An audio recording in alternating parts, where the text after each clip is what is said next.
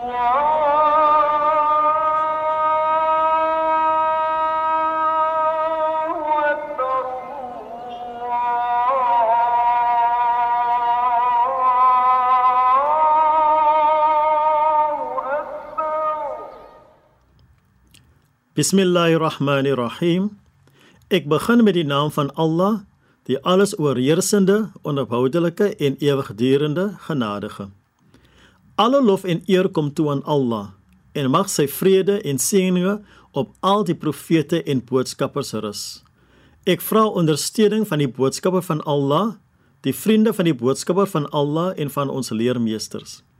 Assalamu alaykum wa rahmatullahi wa barakatuh die vrede en seëninge van Allah op u.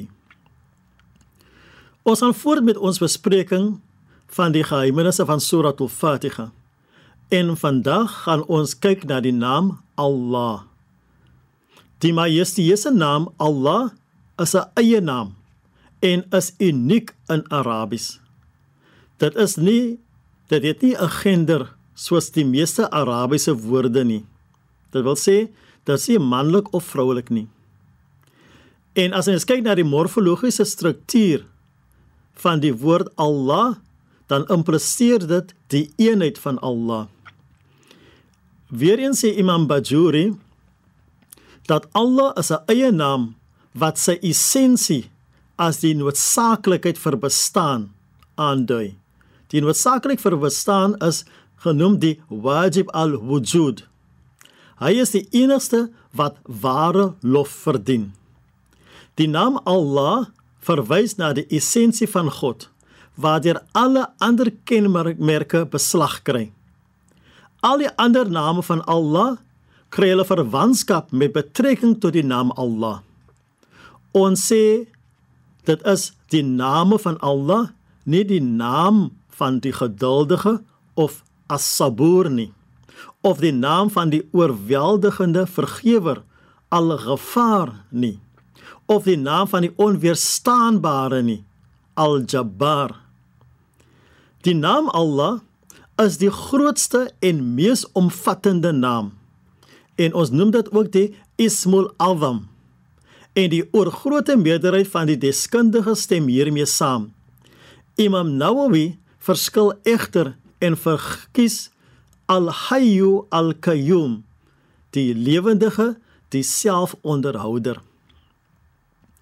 Daar is verskeie verse in die Heilige Koran wat bewyse is dat Allah die grootste naam is. Byvoorbeeld in Surah Tauba in die 40ste vers. En die woord Allah is die hoogste. In Surah Ankabut vers 45 en die zikr van Allah is die grootste. Ibn Arabi verskaf 'n klomp bewysstukke wat aandui dat Allah inderdaad die grootste naam is. Een daarvan is die vers wat in verskeie ander verse voorkom. Allah, daar is geen god buite hom nie. Die lewendige, die een wat uit homself bestaan. O Allah, ons vra U deur die Ismul Azam om ons genadig te wees en om ons te vergewe en om aan ons te gee wat U aan ons beloof het. Ons vra dit met die seëninge, die goedheid en die geheimenisse van Surah Al-Fatiha. Bismillahirrahmanirrahim.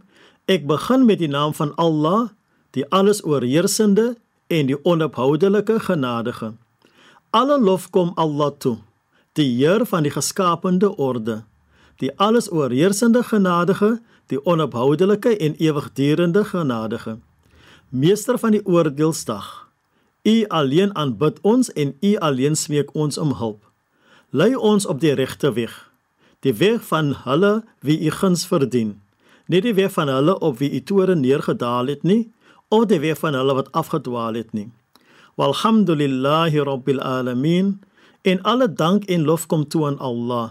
Dit is weer eens ek Shaid Maniers wat u met God se vrede, God se seëninge en God se genade groet tot 'n volgende keer. Inshallah. Allah